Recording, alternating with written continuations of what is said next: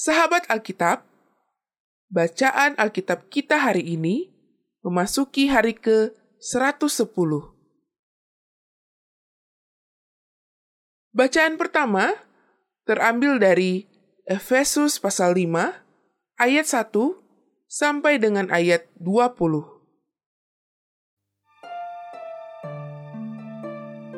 Sebab itu, jadilah penurut-penurut Allah, seperti anak-anak yang kekasih, dan hiduplah di dalam kasih, sebagaimana Kristus Yesus juga telah mengasihi kamu, dan telah menyerahkan dirinya untuk kita sebagai persembahan dan korban yang harum bagi Allah. Tetapi percabulan dan rupa-rupa kecemaran atau keserakahan disebut saja pun jangan di antara kamu. Sebagaimana sepatutnya bagi orang-orang kudus. Demikian juga perkataan yang kotor, yang kosong atau yang sembrono. Karena hal-hal ini tidak pantas. Tetapi sebaliknya, ucapkanlah syukur. Karena ingatlah ini baik-baik. Tidak ada orang sundal, orang cemar atau orang serakah. Artinya, penyembah berhala yang mendapat bagian di dalam kerajaan Kristus dan Allah. Janganlah kamu disesatkan orang dengan kata-kata yang hampa karena hal-hal yang demikian mendatangkan murka Allah atas orang-orang durhaka. Sebab itu, janganlah kamu berkawan dengan mereka. Memang, kamu dahulu adalah kegelapan, tetapi sekarang kamu adalah terang di dalam Tuhan. Sebab itu, hiduplah sebagai anak-anak terang karena terang hanya berbuahkan kebaikan dan keadilan dan kebenaran. Dan ujilah apa yang berkenan kepada Tuhan. Janganlah kamu turut mengambil bagian dalam perbuatan-perbuatan kegelapan yang tidak berbuahkan apa-apa. Tetapi sebaliknya, telanjangilah perbuatan-perbuatan itu sebab menyebutkan saja pun apa yang dibuat oleh mereka di tempat-tempat yang tersembunyi telah memalukan. Tetapi segala sesuatu yang sudah ditelanjangi oleh terang itu menjadi nampak. Sebab semua yang nampak adalah terang. Itulah sebabnya dikatakan, Bangunlah hai kamu yang tidur dan bangkitlah dari antara orang mati, dan Kristus akan bercahaya atas kamu. Karena itu, perhatikanlah dengan seksama bagaimana kamu hidup. Janganlah seperti orang bebal, tetapi seperti orang arif. Dan pergunakanlah waktu yang ada, karena hari-hari ini adalah jahat. Sebab itu, janganlah kamu bodoh, tetapi usahakanlah supaya kamu mengerti kehendak Tuhan. Dan janganlah kamu mabuk oleh anggur, karena anggur menimbulkan hawa nafsu. Tetapi hendaklah kamu penuh dengan roh. Dan berkata-katalah seorang kepada yang lain dalam Mazmur, kidung puji-pujian dan nyanyian rohani bernyanyi dan bersoraklah bagi Tuhan dengan segenap hati. Ucaplah syukur senantiasa atas segala sesuatu dalam nama Tuhan kita, Yesus Kristus, kepada Allah dan Bapa kita. Bacaan kedua terambil dari Yeskiel pasal 15, pasal 14 sampai dengan Yeskiel pasal 15.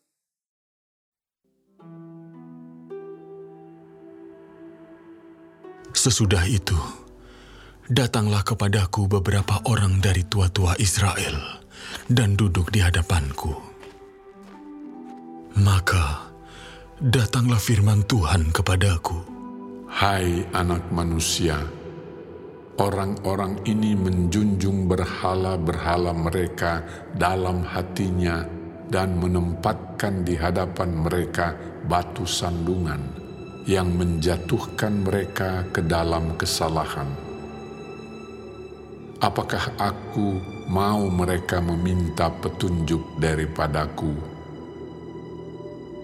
Oleh sebab itu, berbicaralah kepada mereka dan katakan, Beginilah firman Tuhan Allah. Setiap orang dari kaum Israel yang menjunjung berhala-berhalanya dalam hatinya dan menempatkan di hadapannya batu sandungan yang menjatuhkannya ke dalam kesalahan. Lalu datang menemui Nabi.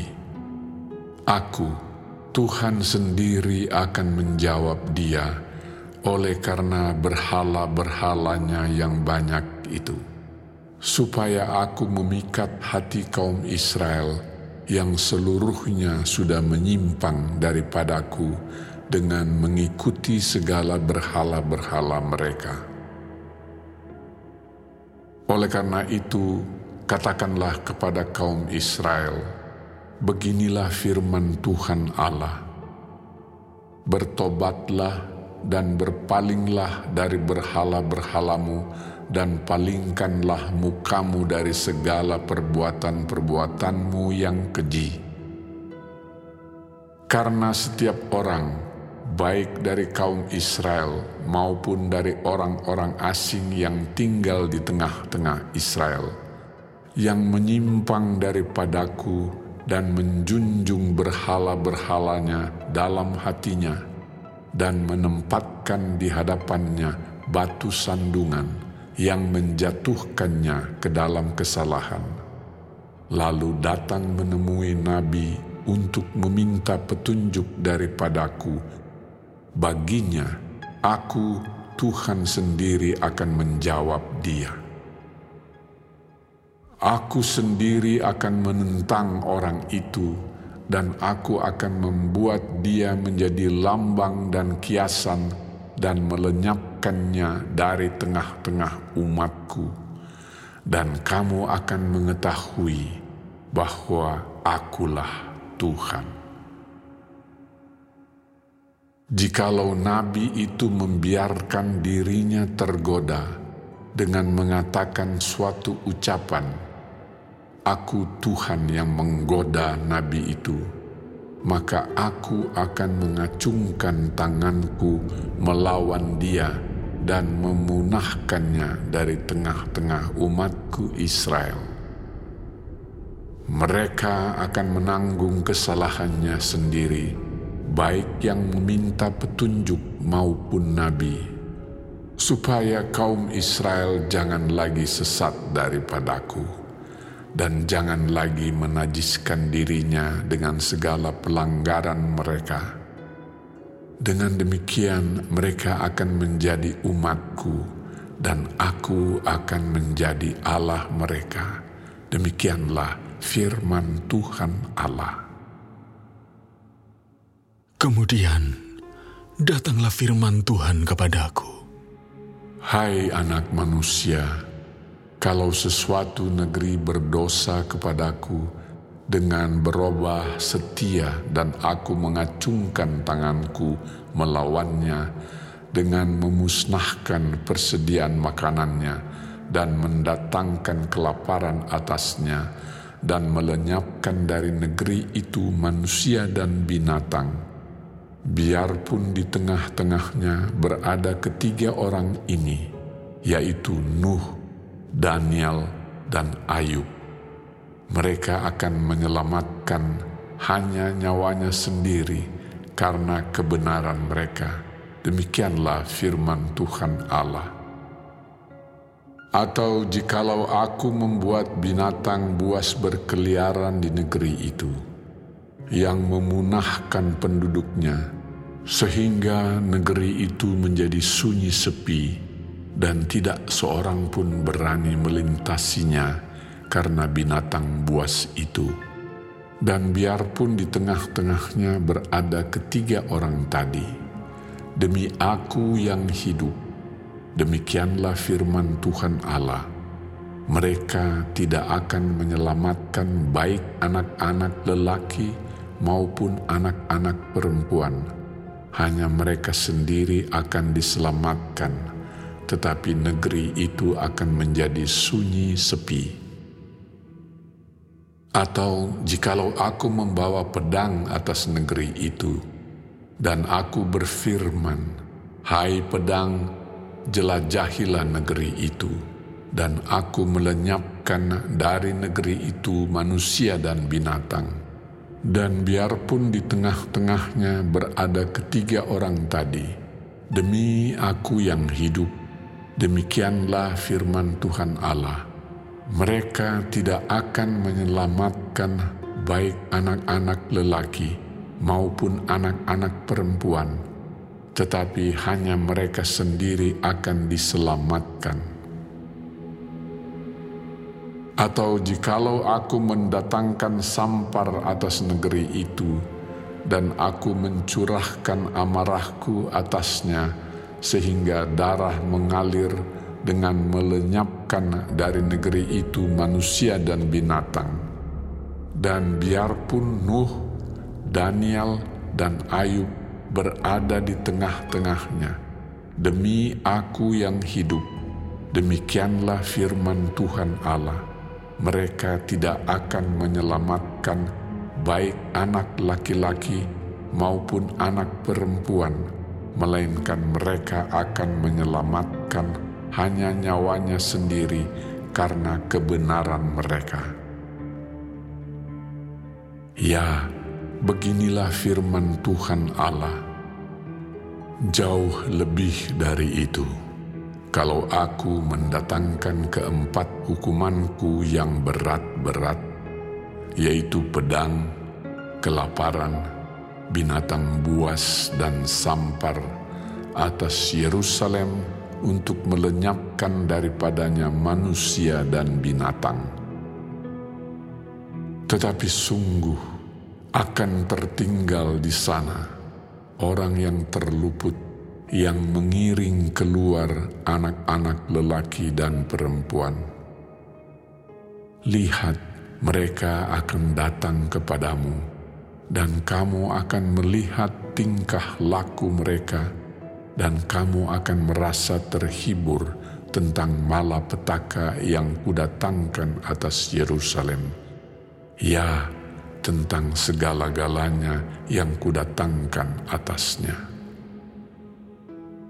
Mereka akan menghibur kamu kalau kamu melihat tingkah lakunya dan kamu akan mengetahui bahwa bukan tanpa alasan ku perbuat segala sesuatu yang ku perbuat atas Yerusalem. Demikianlah firman Tuhan Allah.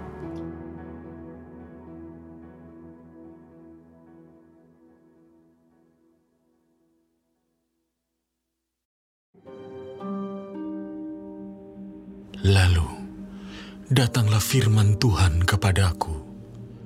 Hai anak manusia, Apakah kelebihan kayu anggur dari semua kayu yang buahnya seperti anggur yang tumbuh di antara kayu-kayu di hutan?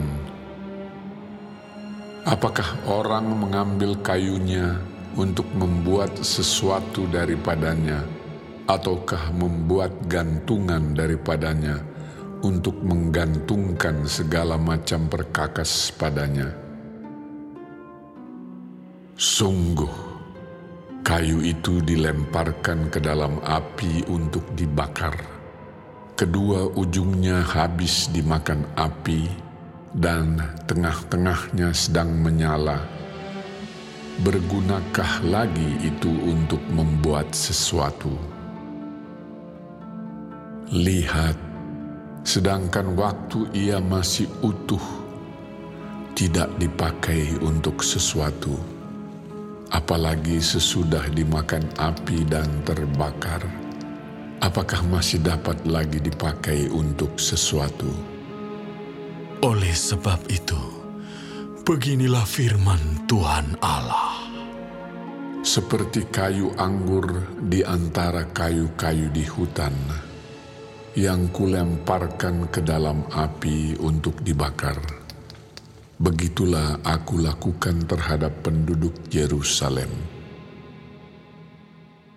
Aku sendiri akan menentang mereka, walaupun mereka luput dari api, tetapi api akan memakan mereka, dan kamu akan mengetahui bahwa akulah Tuhan pada saat aku menentang mereka.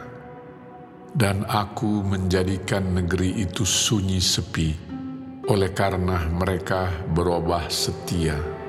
Demikianlah firman Tuhan Allah.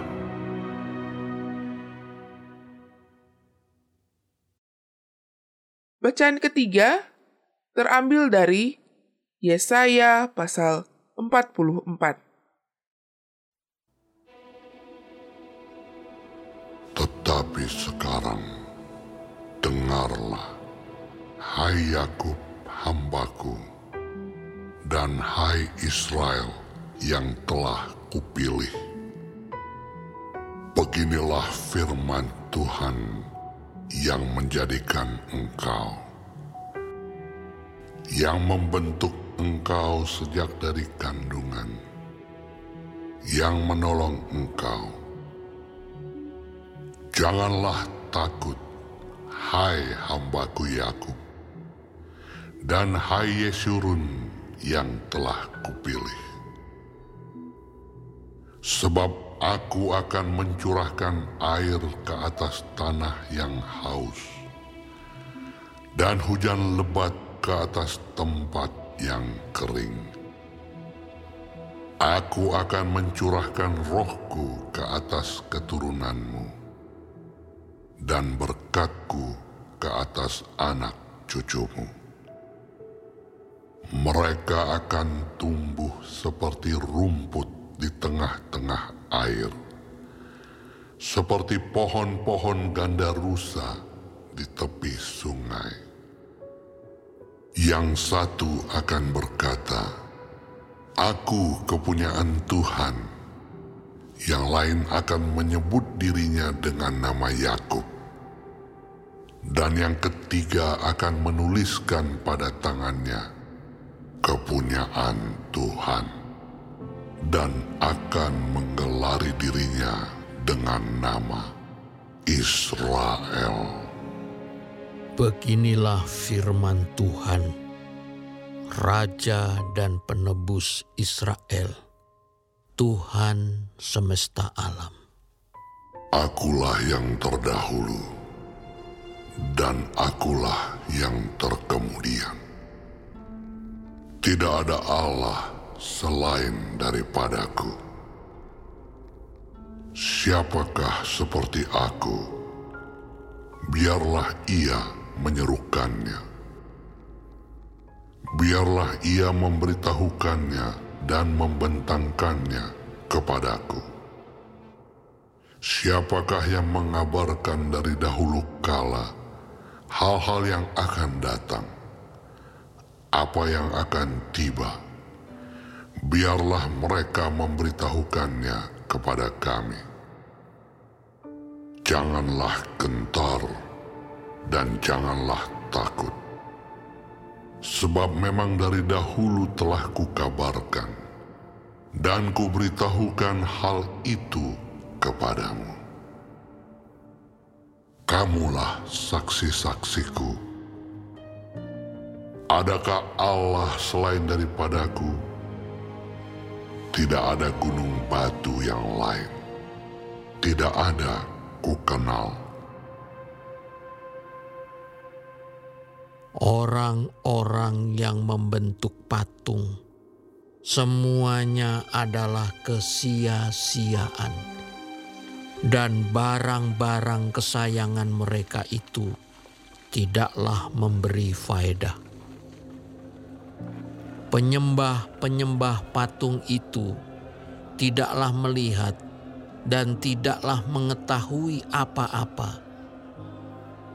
Oleh karena itu, mereka akan mendapat malu. Siapakah yang membentuk Allah dan menuang patung yang tidak memberi faedah? Sesungguhnya, semua pengikutnya akan mendapat malu, dan tukang-tukangnya adalah manusia belaka. Biarlah mereka semua berkumpul dan bangkit berdiri, mereka akan gentar dan mendapat malu bersama-sama.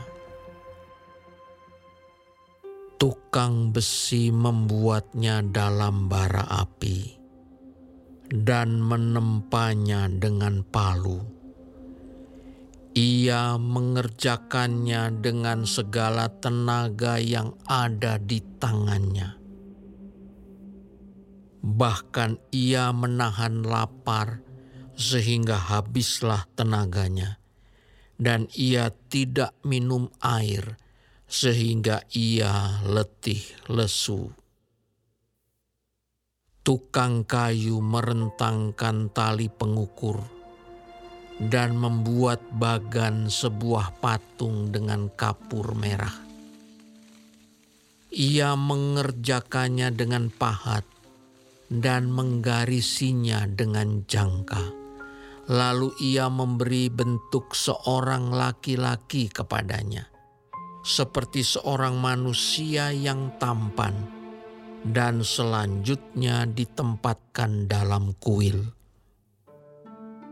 Mungkin ia menebang pohon-pohon aras, atau ia memilih pohon saru atau pohon tarbantin, lalu membiarkannya tumbuh menjadi besar di antara pohon-pohon di hutan, atau ia menanam pohon salam, lalu hujan membuatnya besar. Dan kayunya menjadi kayu api bagi manusia yang memakainya untuk memanaskan diri. Lagi pula, ia menyalakannya untuk membakar roti, tetapi juga ia membuatnya menjadi Allah, lalu menyembah kepadanya. Ia mengerjakannya menjadi patung, lalu sujud kepadanya. Lalu ia memakan daging yang dipanggang itu sampai kenyang.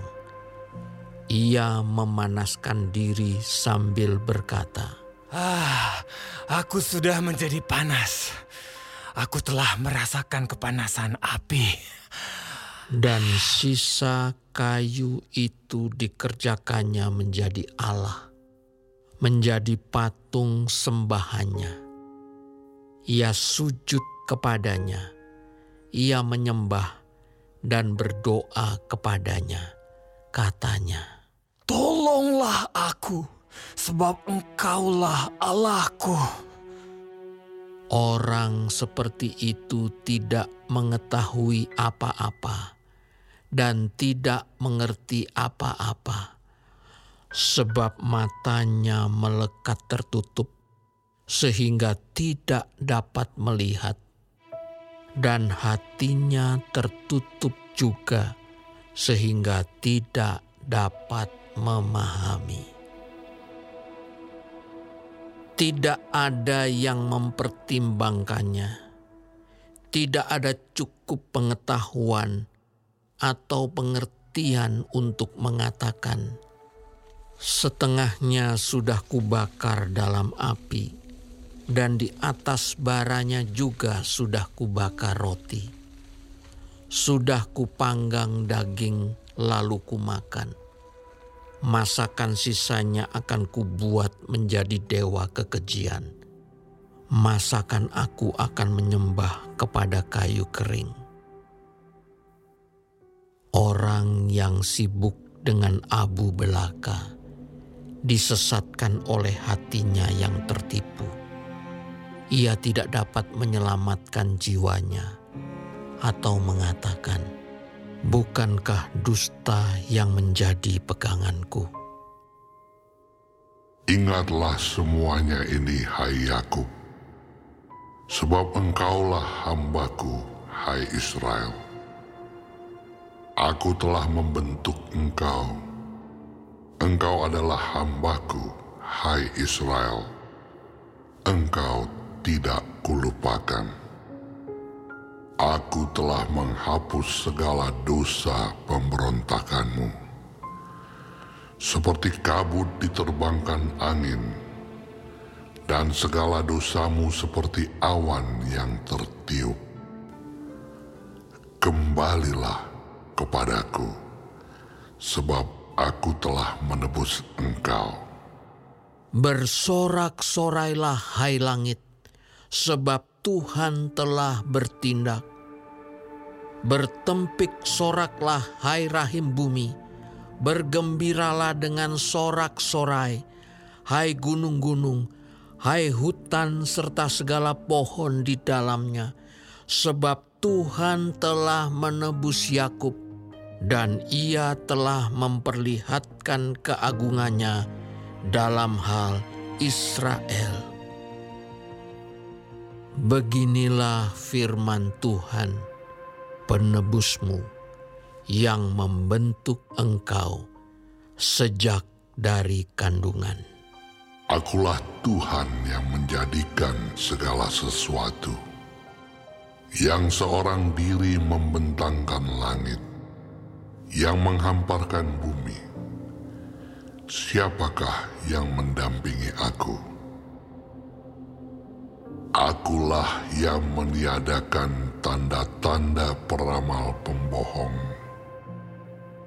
dan mempermain-mainkan tukang-tukang tenung yang membuat orang-orang bijaksana mundur ke belakang dan membalikkan pengetahuan mereka menjadi kebodohan. Akulah yang menguatkan perkataan hamba-hambaku dan melaksanakan keputusan-keputusan yang diberitakan utusan-utusanku yang berkata tentang Yerusalem, Baiklah ia didiami, dan tentang kota-kota Yehuda, baiklah ia dibangun. Aku mau mendirikan kembali reruntuhannya. Akulah yang berkata kepada tubir lautan, jadilah kering. Aku mau mengeringkan sungai-sungaimu. Akulah yang berkata tentang Kores. Dia gembalaku. Segala kehendakku akan digenapinya dengan mengatakan tentang Yerusalem. Baiklah ia dibangun dan tentang bait suci, baiklah diletakkan dasarnya.